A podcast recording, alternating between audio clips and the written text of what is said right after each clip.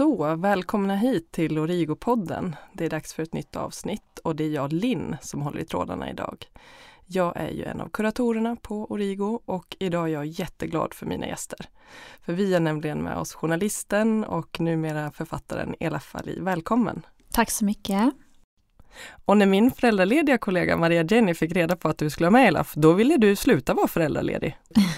ja, då ville jag komma och träffa er. Så. Jag blev jätteberörd av uh, Elafs bok och uh, när jag såg henne på tv, alla intervjuer. Och det är så mm. fint att ni är här tillsammans. Um, vill du berätta lite mer om dig själv Elaf? Hur kom det sig att du skrev den här boken och sådär? Ja, den där lilla frågan. uh, nej men jag um, är ju uppvuxen med hedersförtryck. Um, och um, är född i Bagdad i Irak och växte upp i Skåne. Um, och är idag 34 år och har tagit mig ur förtrycket sen kanske, alltså det känns inte så här skitlänge egentligen och när man läser min bok så förstår man så här att det har skett i stegvis men kanske att det gått, ja men åtta år kanske snart, eller kanske sex år typ. Men i alla fall så är jag på andra sidan nu och då kände jag att när jag har tagit mig ur det så måste jag dela med mig om det som varit så att um, andra som växer upp kan bli inspirerade och få styrka och att någon annan vågar berätta. Men också för att folk ska veta vad som händer för att det här är sådana saker som sker i slitna hem eh, där ingen vågar berätta och det kommer inte ut och då kan man inte heller hjälpa till om ingen får veta vad som pågår. Så jag känner att jag ehm, måste göra det och eftersom jag älskar att skriva så var boken, att skriva en bok det bästa sättet jag kunde komma på att göra det på. För då får man också skriva till punkt, mm. vilket man inte får i många andra sammanhang. Um, och nu är den här. Precis. Mm. Eh, boken vi pratar om heter ju Vem har sagt något om kärlek? Mm. Att bryta sig fri från hedersförtryck. Precis. Precis, och nu har du läst den boken Maria. Du tittar på mig. Eh, ja, och jag tyckte att det var så himla roligt för att um, jag är ju kurator på Origo sedan åtta år tillbaka. Jag var med när vi startade 2013. Men jag har också min egen resa som jag inte alltid delar med mig av. Uh, jag nämner ibland vissa personliga um, incidenter när jag föreläser och så. Men det var bara så himla häftigt att bli påmind om min egen frigörelse och min resa. Och det var ju så himla länge sedan för mig också. Jag är 41 år idag och har egna barn. Um, men att komma ihåg när den där första killen ringde um, och när jag liksom hoppade till när pappa sa vem är det? Uh, och jag svarade kaxigt ja han spelar basket också, han är väl kär i mig och pappa liksom ja ja, mm, så. Men det var så intressant bara att bli påmind om alla de här små situationerna när kompisar börjar festa och hångla och, och, ja, och jag inte kunde göra det även om jag fick vara med. Mm. Men jag tittade på. Ja, alltså det du beskriver det är ju vi kommer säkert komma in på det senare, vilka reaktioner jag fått och så. Men det är väldigt många som skriver att de känner igen sig. Det är som att jag berättar om deras liv. Ja, verkligen. Så var det. Uh, och det är så häftigt och, och det gör ju också så här att det är så värt att skriva den. För att jag vet ju att den här boken och det här ämnet är ju mycket större än mig. Och det är så himla...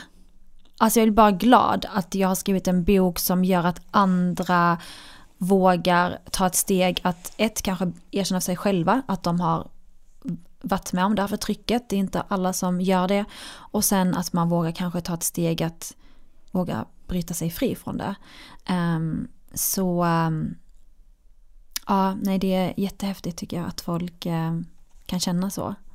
Det är fantastiskt för att jag tänker att en av anledningarna till att du har skrivit den här boken har jag förstått är för att du själv skulle vilja haft något liknande när, när du var yngre, när du växte upp mm. och befann dig i de här normerna. Och det kan jag ju säga som kurator på Origo att den här boken behövs verkligen. Mm. Det är så många ungdomar som blir glada av att höra om den, som kommer finna liksom hjälp och tröst i att läsa din bok.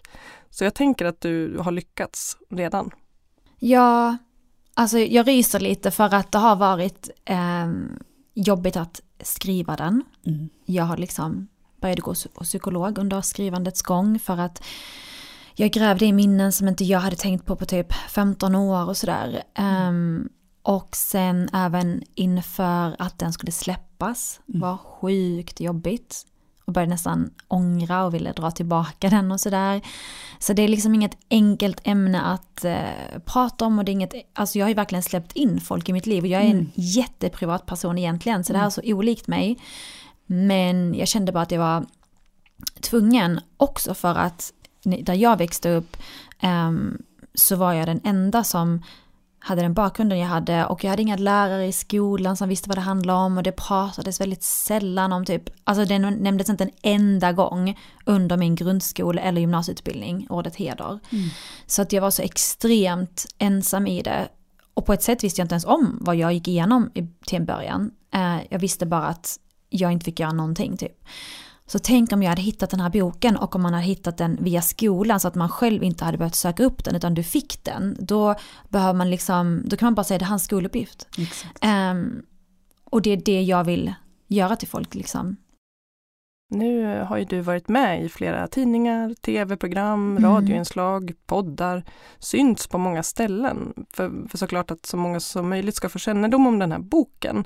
Och det är ju ett jättejobb som du har gjort, både med boken som jag förstår själva skrivprocessen och minnesprocessen, men också nu i Mm. att eh, liksom promota den sådär, berätta om den. Och eh, hur, vilket mottagande har du fått? Ja, alltså jag visste inte att det skulle bli så mycket utan saker bokades ju på så här allt eftersom.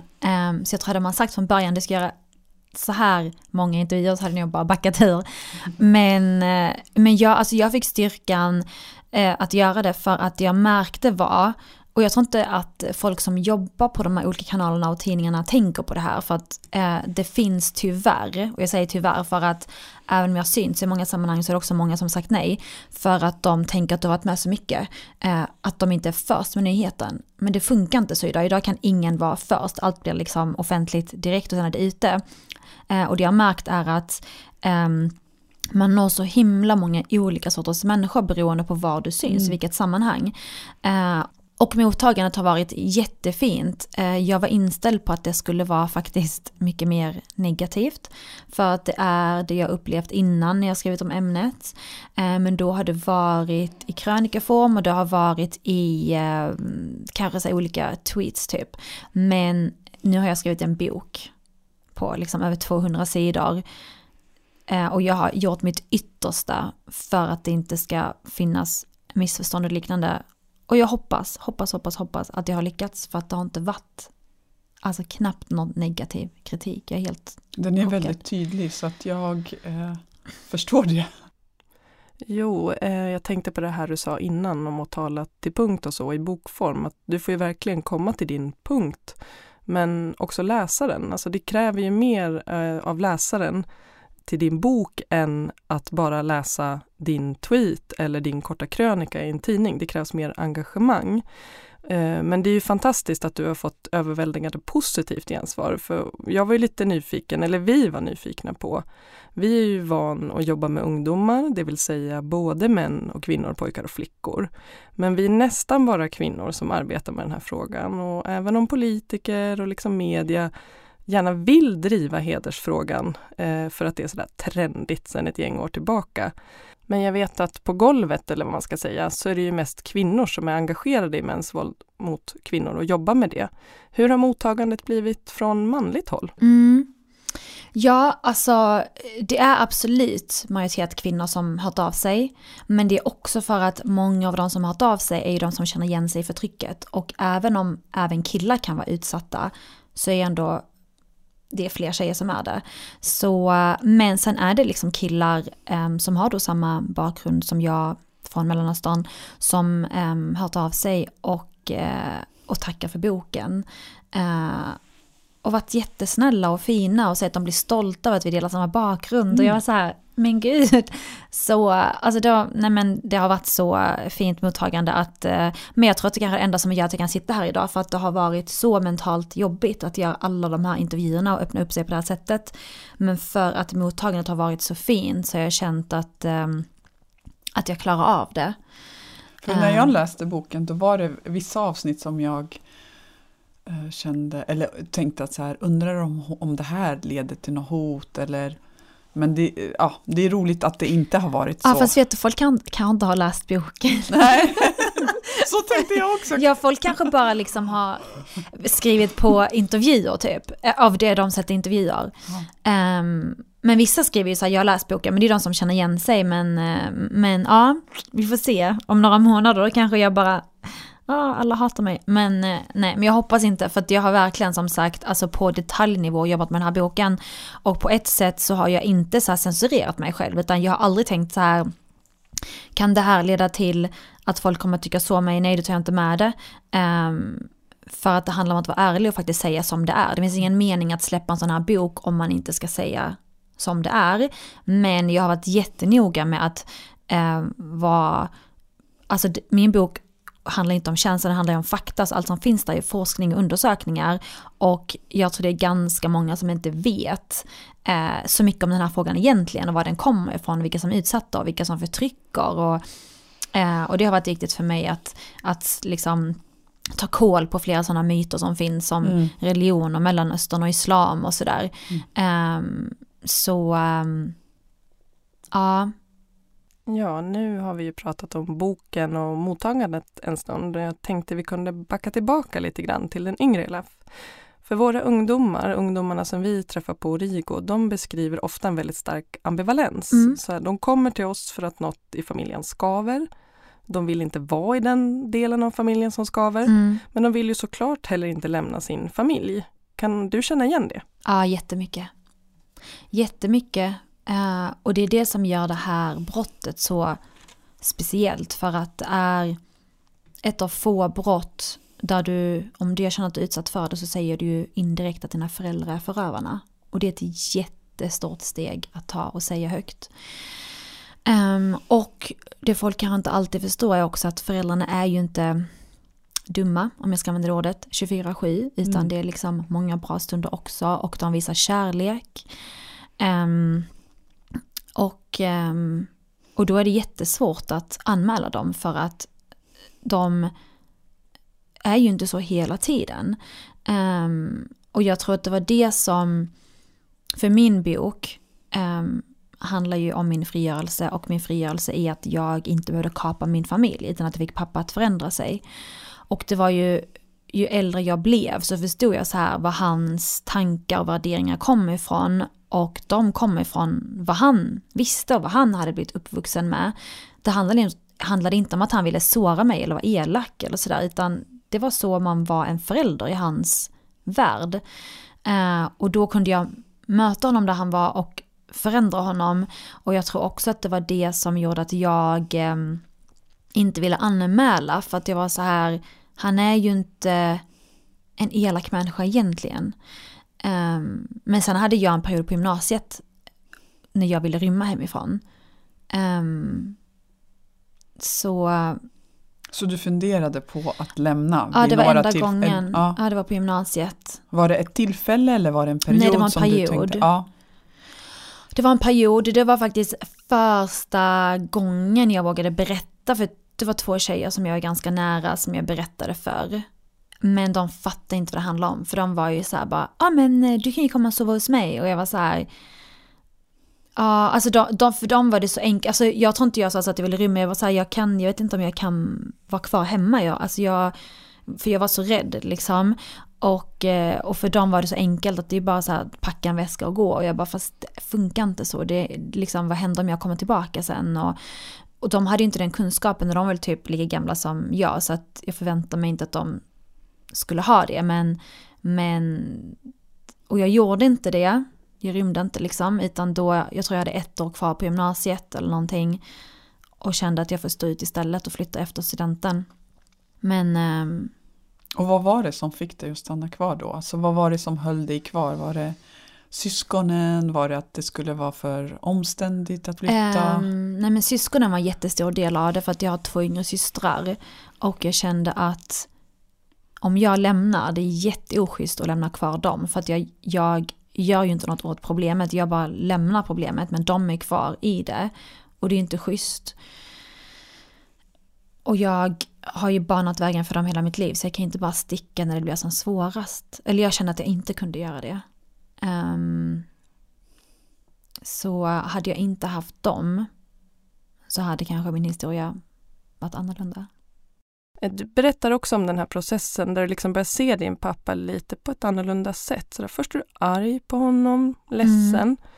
Och det går väl i perioder fram och tillbaka men någon gång så där så börjar du liksom tänka lite på var han kommer ifrån, vill inte se det där, vad ska jag säga, hela bilden av honom. Jag tänker, det, det kanske du känner igen Maria, Hur, vilken ålder börjar ni se era föräldrar på ett större sätt, hela bilden? Um, ja, alltså jag um, var arg men också rädd för pappa. Det kanske mer den känslan som fanns där. Men Um, nej, alltså jag började själv inse och lära mig mer om ämnet. Um, men det kanske var någonstans på mm, gymnasiet kanske som det började komma liksom. Um, men sen hade jag och han problem, alltså fram till att jag var 26 typ. Mm. Så det är inte så att det blev bra direkt utan mm. det är bara att då kunde jag bara börja möta honom där han var. Och prata med honom på ett sätt att han förstod och nå honom. Men många gånger var det så ett steg fram, två steg tillbaka. Ja, jag förstår. Ehm, anledningen till att jag frågar dig lite sådär för att vi träffar ju ungdomar på Origo som är från 13 år. Mm. Och när man går på högstadiet så är man ju verkligen ett barn fortfarande. Även om man har fått varit med om väldigt mycket och kanske har vad ska jag säga, vissa förväntningar på en vad man ska göra, sådär vuxensysslor, så är man ju fortfarande ett barn. Och eh, så må många av de ungdomarna vi träffar, de har ju inte möjlighet att se sina föräldrar så att säga på ett vuxet sätt. Förstår ni vad jag menar? Det är liksom mycket att kräva av en tonåring att så här, va, vad kommer, du, du, måste tänka på vad dina föräldrar med, med mm. sig, vad de har varit med om. Ah, nej, det gör man inte. Nej, precis.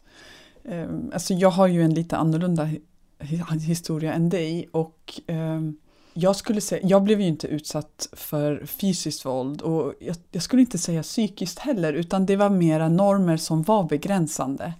Eh, och jag tycker att mamma var mycket mer kontrollerande än pappa och eh, hon utsatte mig mycket för skuld och skamkänslor.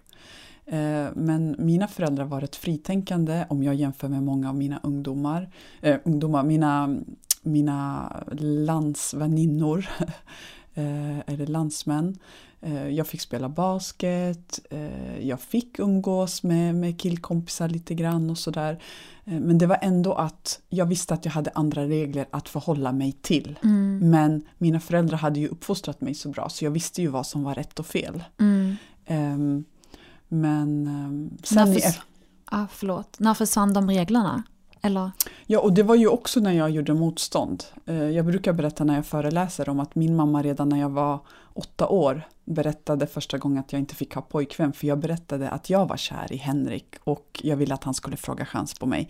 Så den här indoktrineringen började ju redan då. Och jag var ju kär i en kille varje årskurs men det var ju förbjudet. Mm. Men sen när jag blev 17 år då kom ju den här superstaren basketspelaren som jag inte kunde, alltså min kropp och hjärta kunde inte säga nej. Och då tog jag mig faktiskt modet att prata med pappa som skjutsade mig varje dag till hallen och jag sa till honom en dag när han släppte av mig, pappa när vi kommer hem måste vi prata, jag behöver prata med er och han fattade ju ingenting. Och sen när jag kom hem så sa jag att det är en kille som är kär i mig och jag är kär i honom, vi var redan ihop sen två veckor tillbaka och det var också mm. första gången som jag hade ljugit för mina föräldrar. Mm. Och det var en sån enorm börda. För jag var ju en så duktig flicka och snäll flicka. Liksom. Mm. Eh, och då sa jag, jag är kär i den här killen och han är kär i mig och ni är antingen med mig eller mot mig men jag tänker inte göra det här i smyg. Mm. Och pappa skrattade. Han skrattar åt allt. Om han blir arg, om han blir ledsen, om mm. han blir glad. Min pappa reagerar så. Uh. Och sen kom det så här, men vem är han? Får vi träffa honom? Får vi träffa hans föräldrar? Och så blev det liksom så här stort. Liksom uh. att så här, med trolovning om ni ska börja synas ut uh, eller direkt. så. Uh, såklart. Eh, men din fråga var... Hade han samma bakgrund som du? Nej, han mm. var halvamerikan, halvsvensk. Men mm. vad var din fråga till mig? När? Uh, ja, du sa ju då när du var 17, jag frågade liksom ja. när, om reglerna började ändras ja, men det, det liksom, liksom. Då gick jag ju emot, att familjen mm. var ju um, det var inte enkelt, men Nej. de stöttade mig. Men det var mer så här, vad ska folk säga, för, säga om dig? Du mm. kommer få dåligt rykte, vad kommer släkten mm. säga? Pappa fick samtal från farbror hur kan du låta din dotter Mm. åka till USA och studera? Hur kan, vi har hört att hon har en pojkvän liksom, Mm. och sådär. För att han, Ja, han, släkten är värst. ja, så det var ju sakta men säkert fick man ju Det kunde min bok också, också heta, Släkten här. redan finns. Ja, det, det är precis.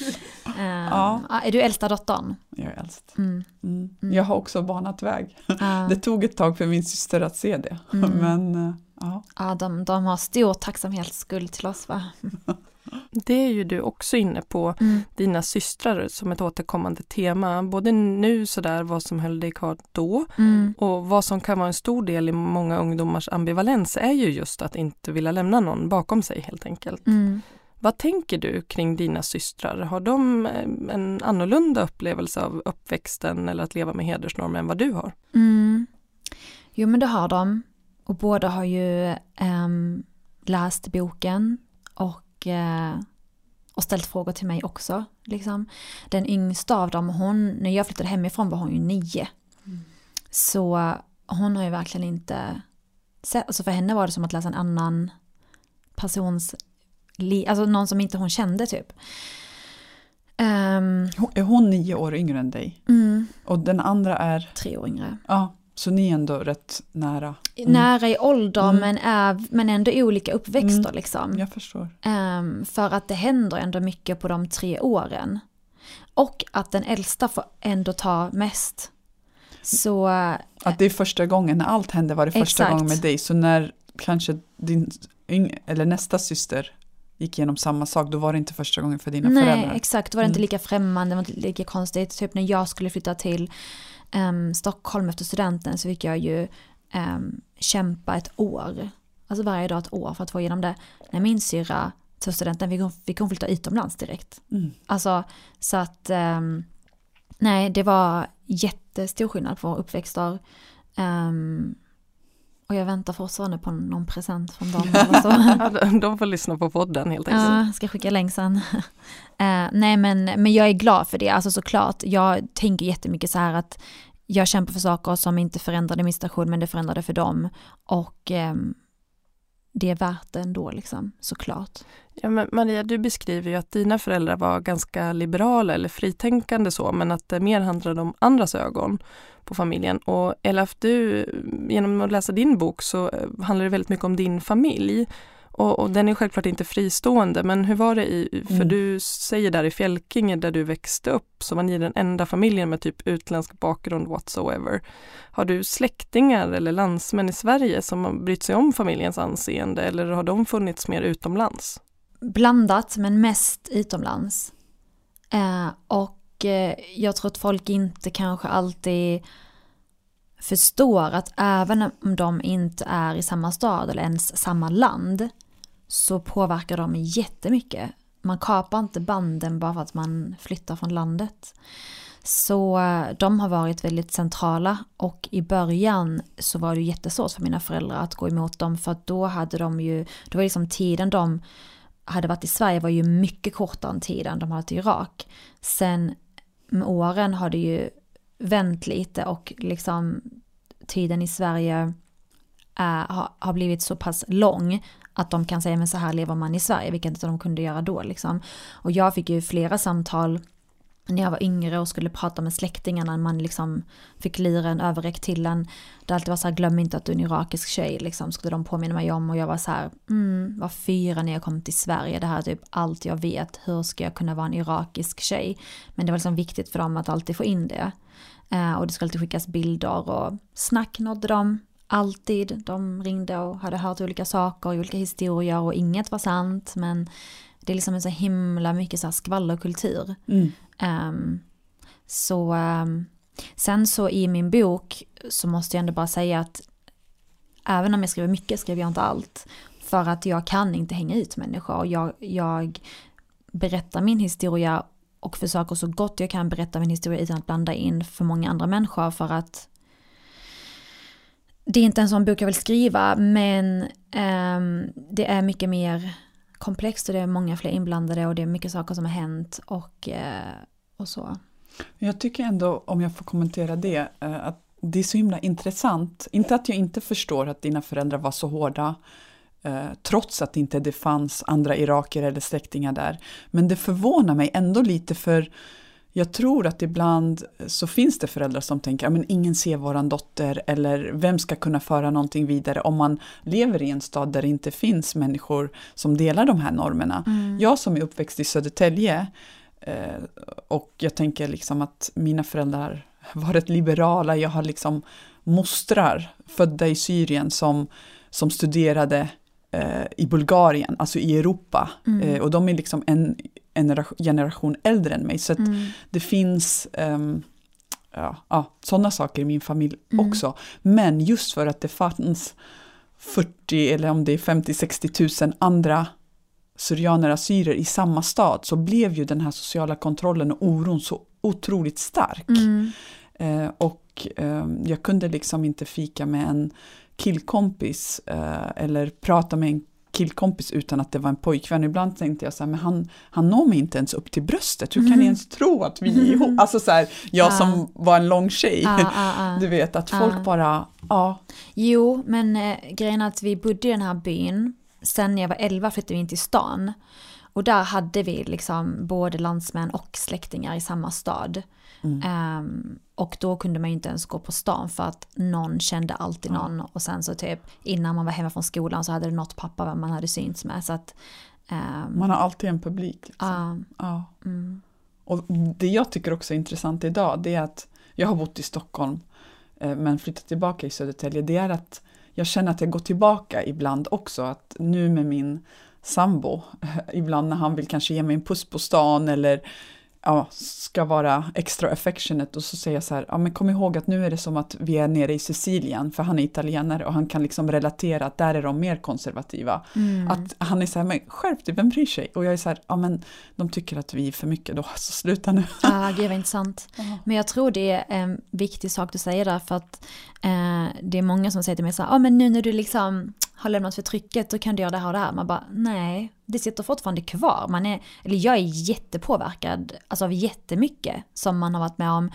Eh, och kommer nog aldrig eh, kunna göra och säga och lägga upp vissa saker för att då blir jag bara påmind om att det där har varit tabu hela ditt liv och, och det bara finns kvar.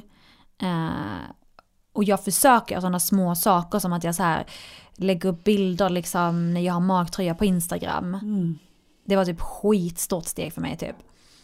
Um, och det är kul för det var bara så sent faktiskt som um, för en vecka sedan så ringde pappa och bara så här uh, kan du blocka personer på Instagram? och jag bara ja det kan man göra.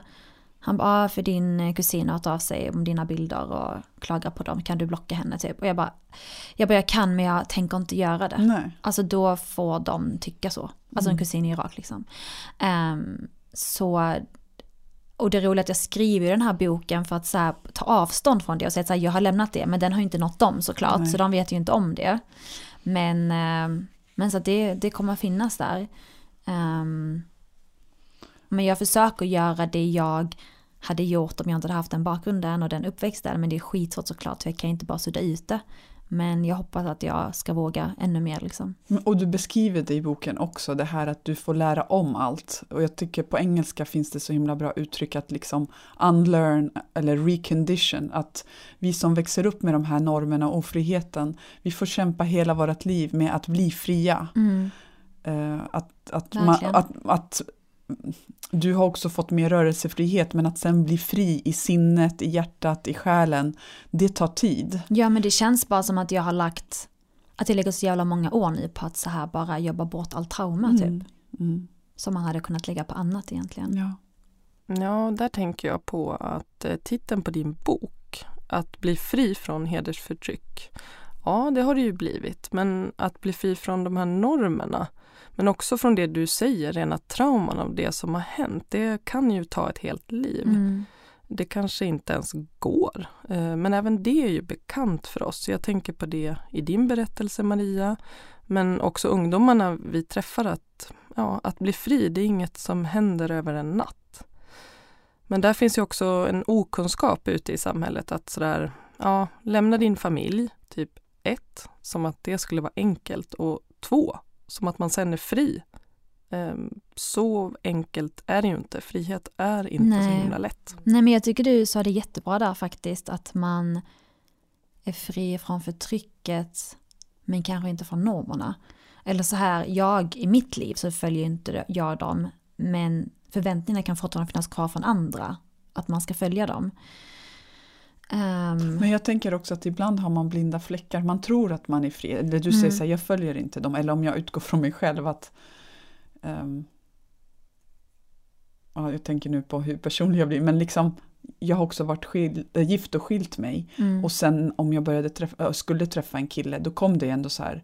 Får jag göra så här? Ska jag göra så här? Är det bra? Är det dåligt? mm, Att man, man är fri och man tänker att jag lever, jag får göra som jag vill. mm, Men att då kommer ändå den här äh, moraliska kompassen som man har fått sen bröstmjölken. Liksom. 100 procent. Mm. Och i mitt fall är det mycket um, så här, jag kan göra någonting men det kan slå tillbaka på mina föräldrar och vill jag att de ska få de samtalen om att jag ser ut så här eller gör det här. Och då kan jag inte göra det för att jag orkar inte att de ska få problem. Ehm, för att det är det som man måste veta också om hedersnorm och förtryck, att det ingår i liksom i ett kollektiv, man är ju inte ensam Mm. för sina handlingar eller gärningar utan det står ju alltid tillbaka på ens föräldrar eller syskon eller liksom släkten så man, jag kan inte bara tänka på att jag ska göra någonting eh, för mig själv för att det gör man aldrig. Men jag tänker på dina systrar, alltså du är ju väldigt påverkad. Det känns ändå som de lever sina liv på ett annat sätt. Alltså Mm. du, du berättar att din syster blir gravid utan att, att vara gift eller så Mm. och väldigt snabbt också i en relation. Har de kunnat leva liksom på ett helt annat sätt? Och, och, Eh, ja, man hade ju velat fråga dem det. Men, eh, men ja, jag tror liksom inte det är en slump att jag är singel och att min andra syrra typ har barn exempelvis och är gift. mm. Mm. Jag tänker på dina föräldrar, de skiljer ju sig, vilket också i många liksom, hederskontexter där man lever med hedersnormer är skamligt. Man, man gör inte så. Det, det tänker jag, ja, har det banat lite väg för dig för att ni redan är så att säga en sån familj där man skiljer sig? Absolut. Absolut. Alltså, jag har verkligen tänkt att, um, alltså för det vet jag var en sån sak som gjorde min frigörelse möjlig. För att familjen löses upp, kan man säga. Pappa flyttade, han bodde inte längre hemma. Ehm, de var inte längre gifta. Bara där hade man brytit mot en av de här hedersnormerna. Den heligaste av dem alla. Precis. Så att eh, absolut var det en jättestor del. Ehm, sen så var ju pappa liksom ändå kvar och jag menar då när jag ville flytta till Stockholm och inte fick det var ju efter de hade skilt sig så det är inte så att jag att mitt liv ändrades på ett sätt så. Men absolut så var det en av de större pusselbitarna som gjorde att det gick för att de var inte en enad front längre. Ja, eh, och jag tänker att det är lite svårt att ge så här som tips till våra ungdomar, typ se till att dina föräldrar skiljer sig. Nej men det är inte alltid jätteenkelt att skilja sig oavsett kontext. Alltså det kommer ju alltid med en känsla av skam och misslyckande. Men i vissa kontexter så är det svårare eh, än i andra. För att det påverkar fler än bara de som ska skilja sig, det vill säga fler i familjen, barnen eller släktingar kan också få ett skamfilat rykte av en skilsmässa. Ja, nej precis. De, ehm, det, är den- nej, det, det, det brukar folk reagera på så här för att de brukar inte ofta möta folk liksom med bakgrund som min. Alltså nästa sak rent kronologiskt, det handlar ju om utbildning, att du lite utbildad i fri. Eh, har jag fel när jag tänker så, att utbildningen är en del av din, ett steg på vägen för din frigörelse? Nej men det är det. Och eh, jag visste ju inte om att det här är en strategi. Det finns tydligen olika strategier för hur man blir fri från, eller inte fri från förtrycket utan hur man handskas med förtrycket. Eh, och en av de här strategierna är att man utbildar sig. Och, eh, i, och jag kan inte säga så här att det funkar för alla för att det beror helt på hur familjen är och vad föräldrarna värdesätter. Men mina föräldrar har både akademisk bakgrund och, och eh, värdesatte utbildning jättehögt. Och det var det enda pappa pratade om. Alltså det var utbildning och det var det enda vi fick göra, vi fick bara plugga. Liksom. Han tyckte att, alltid att vi skulle ligga steget före Eh, i skolan och vara bättre än våra svenska klasskamrater och skulle vi läsa till kapitel 13 så skulle jag läsa till 17. Alltså jag skulle alltid ligga steget före. Um, så, och jag fattade ju inte och då kunde jag hata det för att då, det var som att det enda jag var att plugga. Men det blev ju verkligen min räddning för att det är ju på grund av det som jag kunde till slut flytta till Stockholm för att jag kom in på en utbildning här. Och han kunde inte säga nej till en utbildning. Och det var samma för min syra, hon pluggade utomlands på ett jättefint universitet och det kunde inte han säga nej till.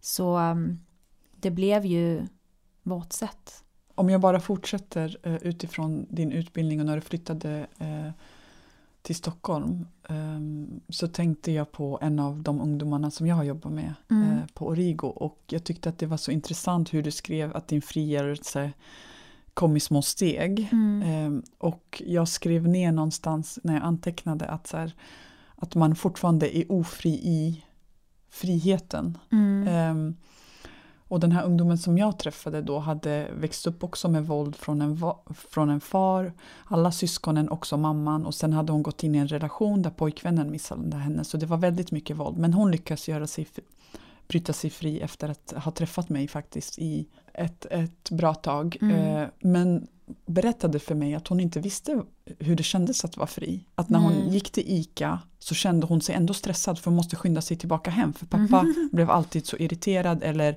skällde på henne om hon kom hem fem minuter för sent. Mm. Eller um, hon blev stressad om hon satt vid, i tunnelbanan bredvid en man. Uh, just för att hon hade de här erfarenheterna av våld. Um, och det tyckte jag också väldigt, var väldigt intressant uh, hur, hur du beskrev det. Och att, mm. man tänker ju så här, men nu är hon ju fri. Men det tar ju sån tid. Vill mm. du berätta lite mer om det? Nej men precis, alltså när jag flyttade till Stockholm um, så kan man tänka så här, okej okay, nu bor jag själv i en annan stad där ingen annan i min familj bor. Men som sagt, man är ju fortfarande hjärntvättad på något sätt. Mm. Um, så jag fick för mig att pappa var bakom mig hela tiden. Så jag vågade inte göra någonting. Jag gick till universitetet, skaffade två tjejkompisar där och gick hem. Alltså vågade liksom inte göra något efter eh, skolan, om man kan säga skola och universitet. Så, um, och så var det. Och så var det i många år. Och jag mm. berättar i boken liksom att det tog två år tills jag ens vågade klä mig i linne och shorts. För det är sådana kläder som inte har varit tillåtna för att man visar armar och visar ben. Det tog mig två år. Alltså, så jag tror liksom inte riktigt folk kanske förstår eh, att bara för att man är fri på pappret, att man bor själv, så är man inte fri på riktigt. Och just den här studentklänningen som du också beskriver, alltså vi så många ungdomar som vi har som har sagt att antingen så, ja men man vill inte ha leggingsen under den där klänningen eller ja, just studenten. Mm. Det känns också som att det är ett sånt kännetecken. Ja, jag känner mig så tantig med min liksom vita kofta och så här jättelånga klänning när alla kommer så här korta klänningar och bara armar och mm. man sticker ut så mycket och det är så mot ens vilja, man vill ju inte det mm. men, men man har ju inget val. Man går ju hem till sin familj så att man måste göra dem nöjda. En annan sak Elaf som jag tycker är intressant det är att um, jag som har haft min resa och min frigörelseprocess um, kämpade så otroligt mycket med att bli en individ i det här kollektivet eller i familjen. Få göra som jag vill eller välja mer som jag vill, uh, tänka som jag vill. Um, och jag känner att ju äldre jag blev så blev jag mer den personen jag ville vara och det jag stod för och, och um, så. Men sen så kom också en period där jag bara ville återvända på något sätt till mm. de här, inte till, no, till, till hedersnormerna, men till, till familjen och till, till gruppen, till den etniska tillhörigheten och till kulturen. Och jag ville Eh, jag vill ge mina barn vissa saker som de får uppleva just liksom mm. med maten, med musiken och sådär. Eh, mm. Och det, det, har varit väldigt intressant för mig att vilja bli så mycket individ och vilja lämna Södertälje och vilja lämna familjen till att mm. sen flytta tillbaka mm. och eh, bo tio minuter från mamma och så viktigt för mina barn att lära känna, jag säger mamma men pappa också såklart. Mm Att, att de känner mina föräldrar och sådär. Hur, Mm. hur känns det för dig som idag är 34 och som Mm. har haft den här resan som du har berättat för oss om? Ja, alltså jag tror inte att jag riktigt är där du är. Mm. För jag har inte träffat någon och jag har inte familj och så. Jag är, jag är mer i ett stadie att jag skulle kunna flytta utomlands imorgon om jag hade fått ett bra jobb. Ehm, så jag känner mig fortfarande inte mätt på min frihet. Jag ehm, har kanske liksom tagit det till det extrema för att jag har bott själv i eh, över ett decennium. Eller ja, faktiskt ett och ett halvt.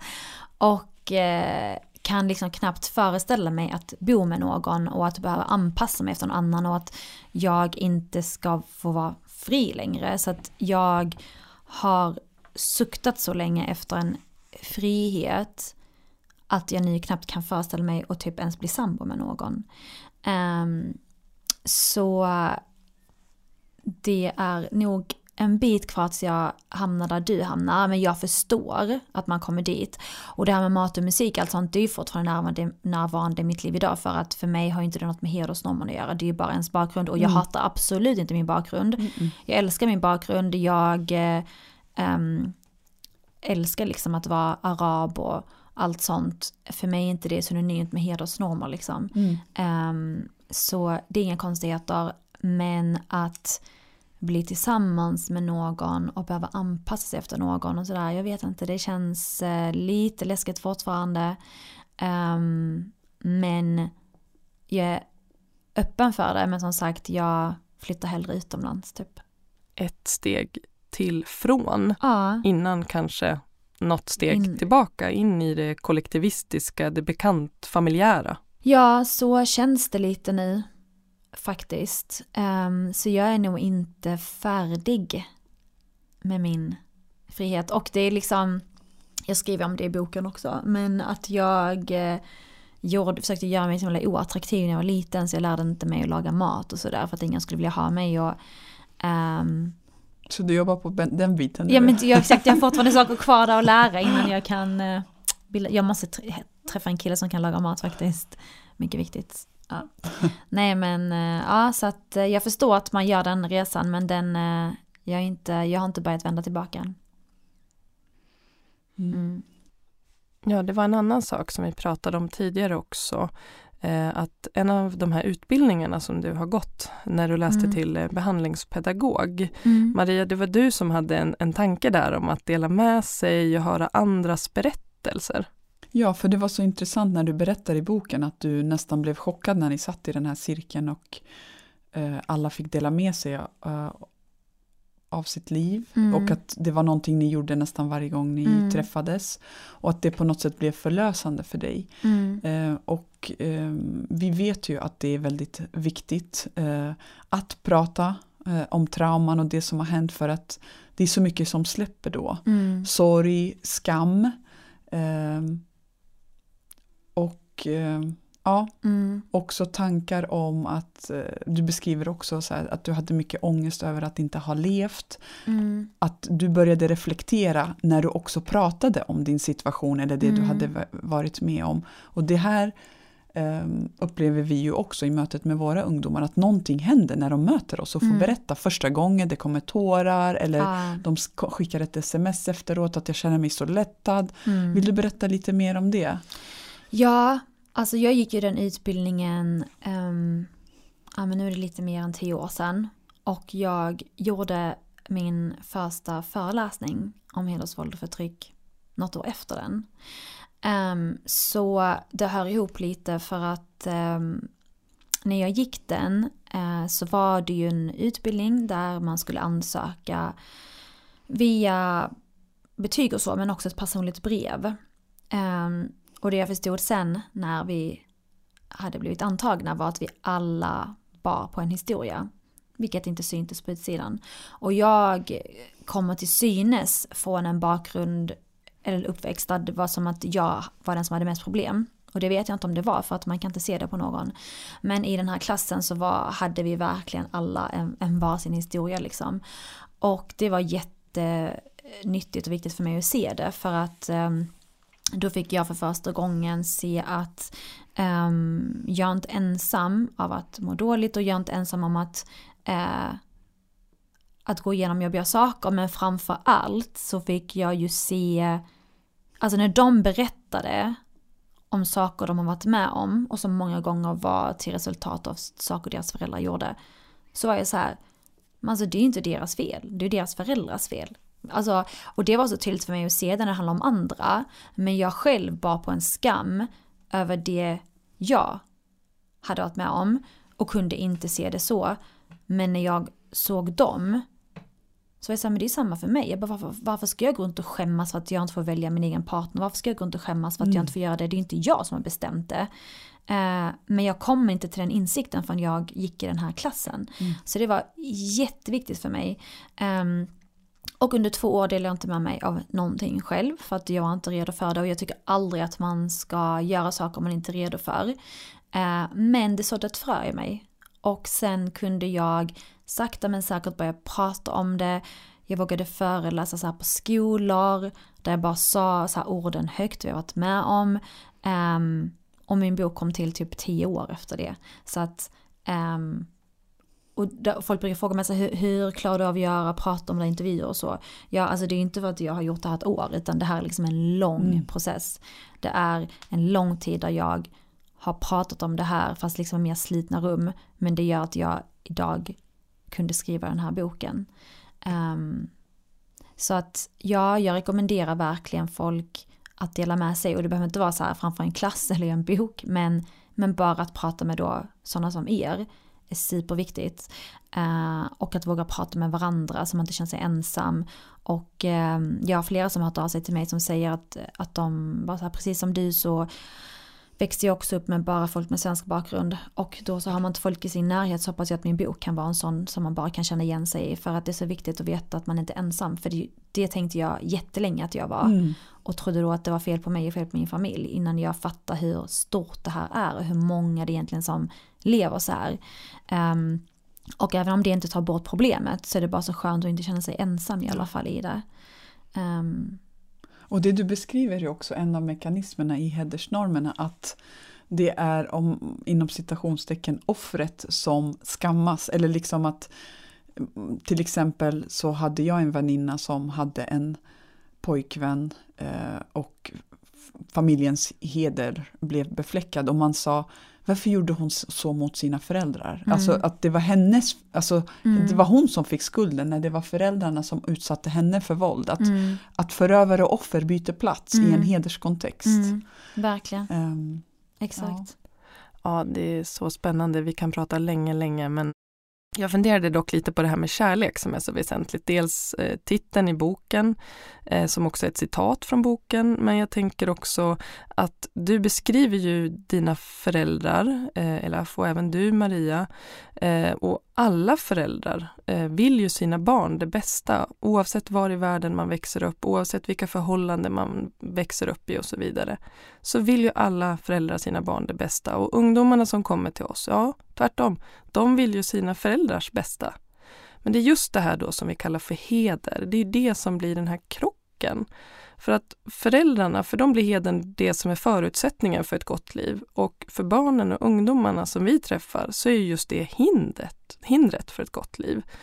Och den krocken är viktig att förmedla, tänker jag. Att det inte bara så kallade kulturkrockar, utan just den här tanken om ett gott liv. Och det lyckas du berätta och förmedla i din bok. Utan att göra dina föräldrar till monster. Och det kan jag bara hälsa från alla våra ungdomar som vi träffar, att det är så viktigt för dem. De kommer till oss och säger så här, alltså min mamma och pappa, de är inga monster. För de är så rädda för den liksom, stereotypen. Men vad säger du om det? Kan du känna igen den här så kallade monsterjämförelsen? Ja, alltså absolut. Eh, och eh, jag lider med dem för att jag bara går tillbaka i tiden hur man känner det här ansvaret att skydda sina förövare. Mm. För de är ens förövare. Fast de är inte förövare 24-7 om man vill stå upp för sig själv, om man vill göra sitt liv enklare, man vill inte att de ska hamna i trubbel.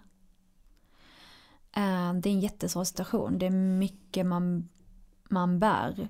Ehm, men ehm,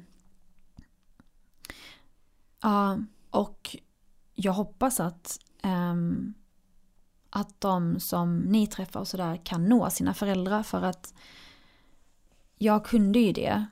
Och då kunde jag liksom se vad det här monstret kom från. Mm. Um, men om man inte gör det och det bara är um, hot och våld hela tiden, då är det en annan situation. Men jag tror att väldigt många, och varför väldigt många har hört av sig till mig och känt igen sig, för att jag tror att det ändå, det vanliga är mer som jag hade det. Uh, och jag tror också att det kanske, varför min bok har blivit så stor om man ska säga är ju för att den tar upp en sak som väldigt sällan får ta plats, vilket är så här vardagsförtrycket. För annars är det alltid så rubriker med så här hedersmord och Mm. eh, tvångsgifte och någon som blivit eh, men kidnappat i utlandet. Och majoriteten är ju inte med om de här sakerna. Majoriteten får bara, jag säger bara, men bara inte så här göra något efter skolan, inte få välja sina kompisar, inte välja sina kläder, inte välja vad de ska plugga. Alltså, alltså bara vad, man är begränsad och äger inte sitt eget liv och man äger inte sina val. Det är det. Eh, det är jättestort och det är jättemycket och det är ett liv som är motsatsen till frihet. Eh, men ändå så får inte de här frågorna plats och man pratar inte om det och det blir inga rubriker om det. Eh, och skammen bara växer. Eh, och sen så är det någon som dör i något hedersmord eller någon så här, och man bara fast jag kan inte relatera med dig för att jag, ehm, även om jag så här liksom någon gång tänkte att det kunde leda dit så var det aldrig så att det var närvarande hela tiden.